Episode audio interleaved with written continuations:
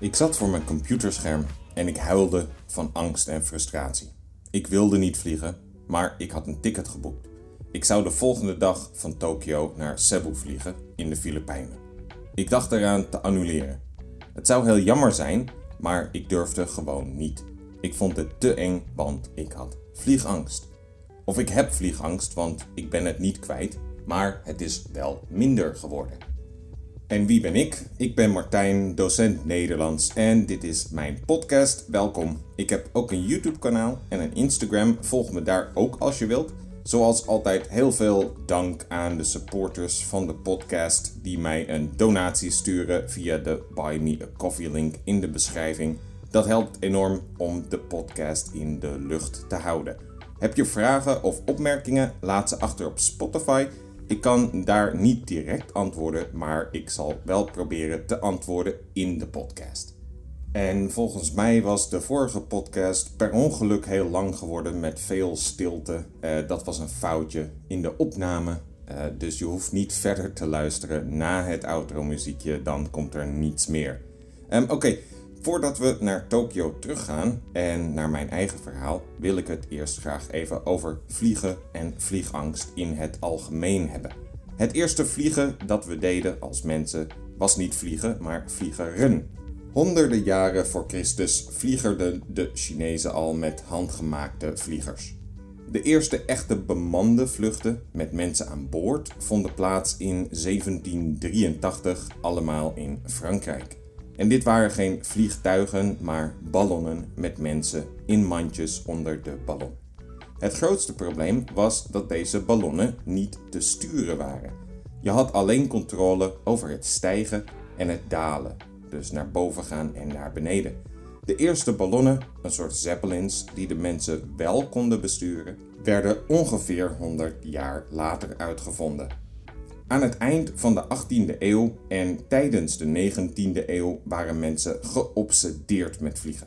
Het grote doel was natuurlijk een werkend vliegtuig bouwen en veel ingenieurs en wetenschappers probeerden dit te doen.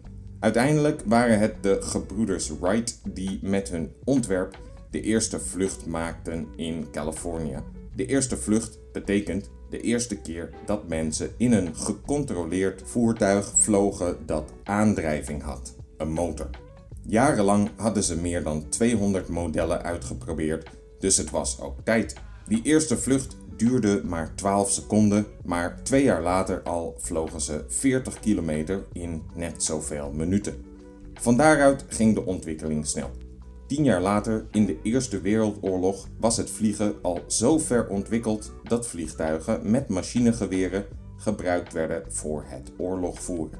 Net als veel andere uitvindingen zoals het internet en de mobiele telefoon kwamen veel van de ontwikkelingen in de technologie van vliegtuigen door het militaire gebruik van vliegtuigen. Na de Tweede Wereldoorlog hadden mensen meer geld en werd het commerciële vliegen langzaamaan populairder.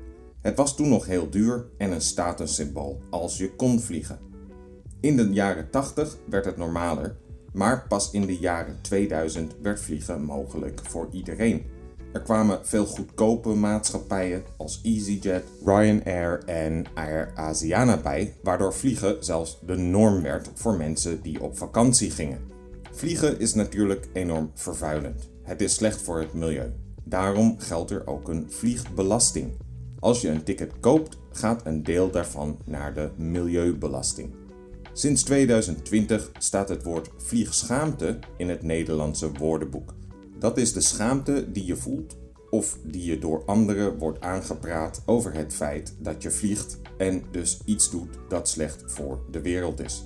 Het past natuurlijk ook niet bij het plaatje van sustainability, duurzaamheid, dat zo belangrijk is geworden in de zakenwereld. Maar we zijn nog mijlenver van elektrisch vliegen, helaas. Ik zelf vloog voor het eerst toen ik 12 jaar oud was.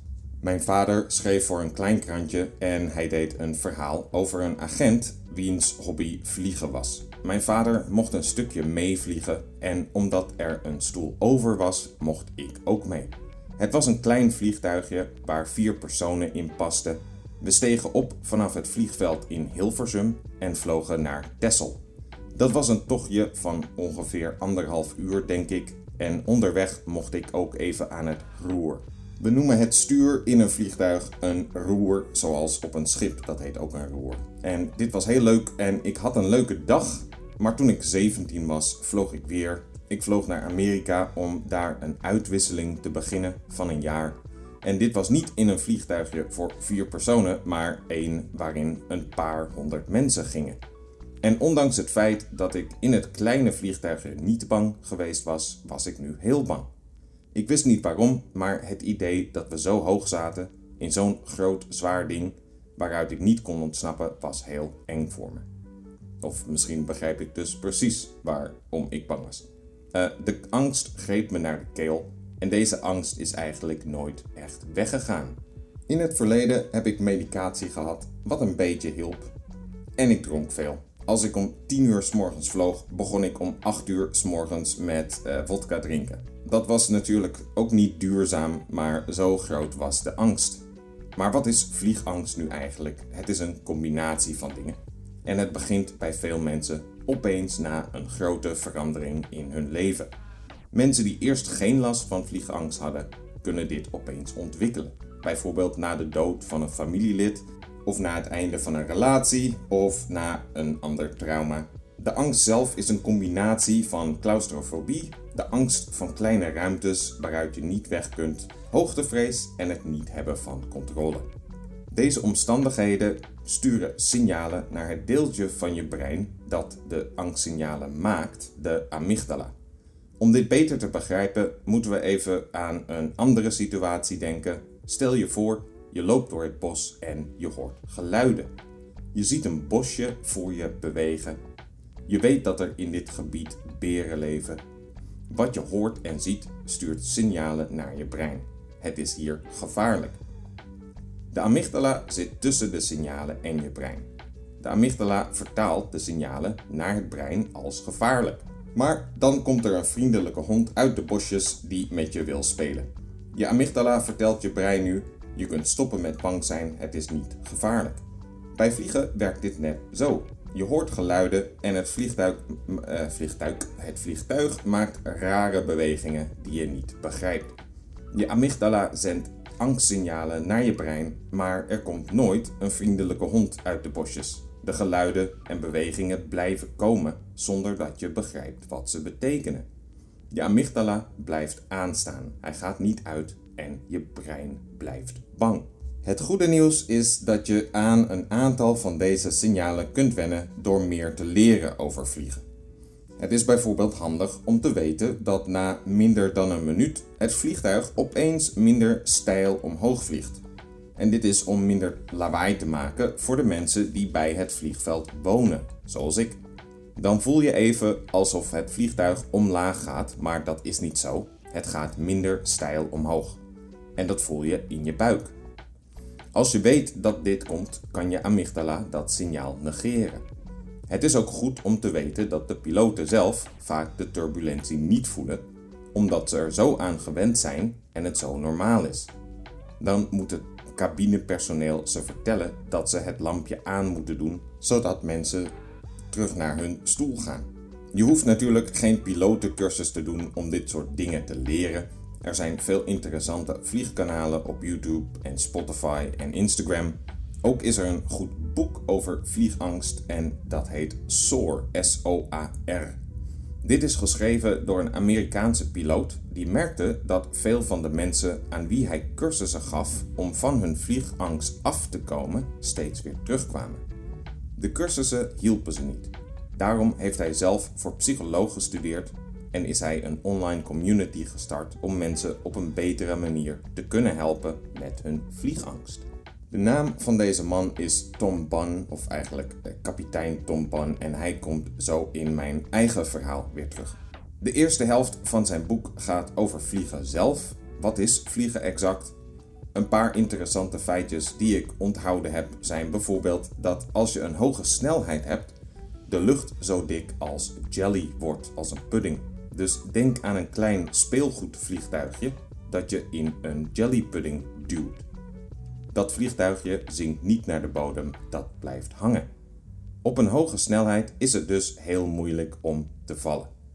Bovendien heeft elk vliegtuig minstens twee backup systemen voor elk systeem dat kapot kan gaan. Dus als er een probleem met een systeem is, kan het een ander systeem inschakelen. Maar wat als het vliegtuig geen benzine meer heeft of als de motoren uitvallen? Als je veel films over vliegtuigen hebt gekeken, weet je dit misschien. Maar zelfs een grote jumbojet kan zweven. Als de motoren uitvallen, kan het alsnog langzaam landen. Dit komt door het ontwerp van het vliegtuig en door de snelheid. Het gaat nog steeds door die jellypudding. En zo zijn er nog veel meer interessante feitjes die ik niet allemaal ga opnoemen. Niet omdat ik dat niet wil, maar omdat ik het boek 10 jaar geleden gelezen heb en veel vergeten ben. Het is in elk geval een aanrader als jij zelf last hebt van vliegangst. Het heeft mij heel erg geholpen. Niet alleen door de informatie over vliegen, maar ook door de oefeningen die er in het boek staan om je angst minder te maken. Zoals ik al zei, is Tom Bunn niet alleen een piloot, maar ook een psycholoog. De tweede helft van het boek gaat over de psychologie van de vliegangst en wat je eraan kan doen. De amygdala heeft namelijk een interessante zwakte, liefde. Dit klinkt misschien vreemd, maar de amygdala kan zijn werk niet doen op het moment dat je je een moment van echte verbinding, echte connectie met iemand voor de geest kan halen. Wanneer je dat duidelijk voor je kan zien. De oefeningen in het boek gaan dan ook over het voorstellen van vliegsituaties naast een enkel beeld van een moment in je leven dat je een echte, diepe connectie met iemand voelde. Door deze beelden naast elkaar te zetten, worden de vliegbeelden zwakker en zal je brein minder angstig reageren wanneer je weer vliegt. Dit werkt niet alleen voor vliegen, maar voor veel fobieën. Het is wel belangrijk dat je deze oefening makkelijk begint en in omgekeerde volgorde om de angst niet te groot te maken. Bij vliegen begin je in je hoofd bij het moment dat je aangekomen bent en het vliegveld uitloopt. Dan is er niet meer de angst dat er iets mis kan gaan. Als je bang bent voor liften, begin je met het moment dat je de lift uitgelopen bent.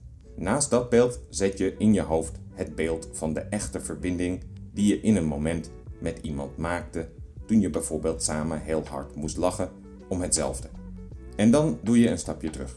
Je loopt het vliegtuig uit met het andere beeld ernaast van de connectie. Dan weer een stapje terug. Je doet je riem af, je land, etc. Zo ga je stapje voor stapje in omgekeerde volgorde door het hele proces, steeds met dat positieve beeld van connectie ernaast. Hiermee begin je een week voordat je gaat vliegen. Elke dag oefen je dit drie keer 10 minuten.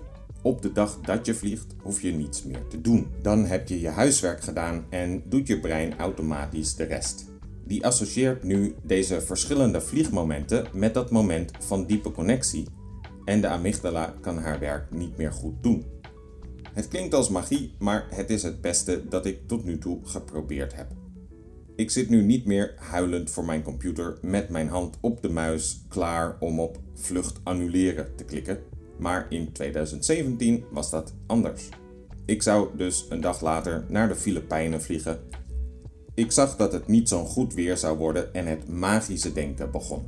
Magisch denken doe je wanneer je dingen in je omgeving gaat zien als hints over de toekomst. Je maakt een verhaal in je hoofd. Dus bijvoorbeeld, je denkt erover om een nieuwe auto te kopen en dan zie je opeens de auto die jij wilt kopen overal rijden op straat. En een vriend koopt dezezelfde auto. Je denkt, dit zijn tekenen van het universum dat ik deze auto ook moet kopen. Het is natuurlijk toeval, maar je begint al deze gebeurtenissen te linken aan je eigen leven. Dat deed ik ook over vliegen. Het slechte weer was een teken. Nieuws over een vliegtuig dat problemen had was een slecht teken. Ik liet een bord vallen in de keuken, dat was een teken. En al dit magische denken leidde uiteindelijk tot paniek. Ik kon niet toegeven aan deze paniek, dan zou ik verliezen. Dus wat deed ik? Ik e-mailde kapitein, captain, ja, captain, kapitein Tom Bunn. Ik stuurde hem een lange e-mail over hoe ik me voelde. Hij had een webforum en je kon ook coaching sessies bij hem boeken, maar dat kostte meer dan 100 euro per uur en dat had ik niet. Ik was een arme kunstenaar. Maar tot mijn verbazing e-mailde hij me binnen een uur terug. En niet een kort bericht, nee, hij stuurde me een lange e-mail met duidelijke antwoorden over al mijn vragen. Ik was heel erg onder de indruk en geëmotioneerd dat deze piloot, psycholoog en schrijver de tijd had genomen om mij zo'n lange en behulpzame e-mail te sturen zonder dat ik ervoor betaalde. En ik denk dat je hier ook de vliegtuigen ondertussen hoort overkomen, want ik woon zo ongeveer onder Schiphol. En toen, uh, ja, dus terug naar, terug naar Japan, terug naar 2017. Um, ehm, ik had deze e-mail gehad en toen realiseerde ik me iets anders. Ik had geen keuze meer, ik moest nu vliegen. Ik kon na zo'n vriendelijke actie niet deze man teleurstellen. Ik kon niet zeggen bedankt voor het advies, maar ik heb de vlucht toch geannuleerd. Dus ben ik de volgende dag op het vliegtuig gestapt en ben ik naar de Filipijnen gevlogen. Ik vond het nog steeds eng, maar door de steun van de kapitein ben ik er doorheen gekomen en heb ik een fantastische vakantie gehad. Alleen in de Filipijnen. Ik heb er, ja, alleen, ik ben alleen naar de Filipijnen gegaan. Ik heb er vrienden gemaakt met andere toeristen en een walvishaai gezien die toevallig bij onze boot kwam kijken. Maar op de weg terug sloeg het magische denken weer toe. De laatste avond in de Filipijnen in Cebu stopte de regen maar niet. Het ging alleen maar harder regenen. Om exact 12 uur s'nachts stopte mijn horloge ermee. Hij bleef stilstaan en s'morgens verdwaalde ik op weg naar het vliegveld. Ondanks dit alles ben ik toch weer in het vliegtuig gestapt. Ik heb met de piloten van het vliegtuig gesproken voordat we vertrokken en die hebben hun best gedaan me gerust te stellen. Maar dat doen ze altijd met statistieken en andere rationele feiten. Dat helpt niet als je een fobie hebt. Wat het meeste helpt is als piloten zeggen wat Tom Ban ook zegt. Ook zij willen graag veilig thuiskomen. Dat bedenk ik me nu altijd wanneer ik een vliegtuig instap. Iedereen op dat vliegtuig wil hetzelfde veilig naar huis. Ben jij bang voor vliegen? Of heb jij een andere angst waarvan je denkt dat de techniek die ik besproken heb je misschien kan helpen minder bang te zijn? Check dan zeker het boek van Tom Bunn, Soar, dat je overal kunt kopen. Uh, ik vlieg deze winter weer naar Schotland om mijn ouders te bezoeken, dus misschien moet ik het zelf ook weer een keer lezen. Jij kunt de transcriptie van deze podcast teruglezen op de website die ik daarvoor gemaakt heb die in de beschrijving staat. Volgende week weer een nieuwe. Tot dan. Doei!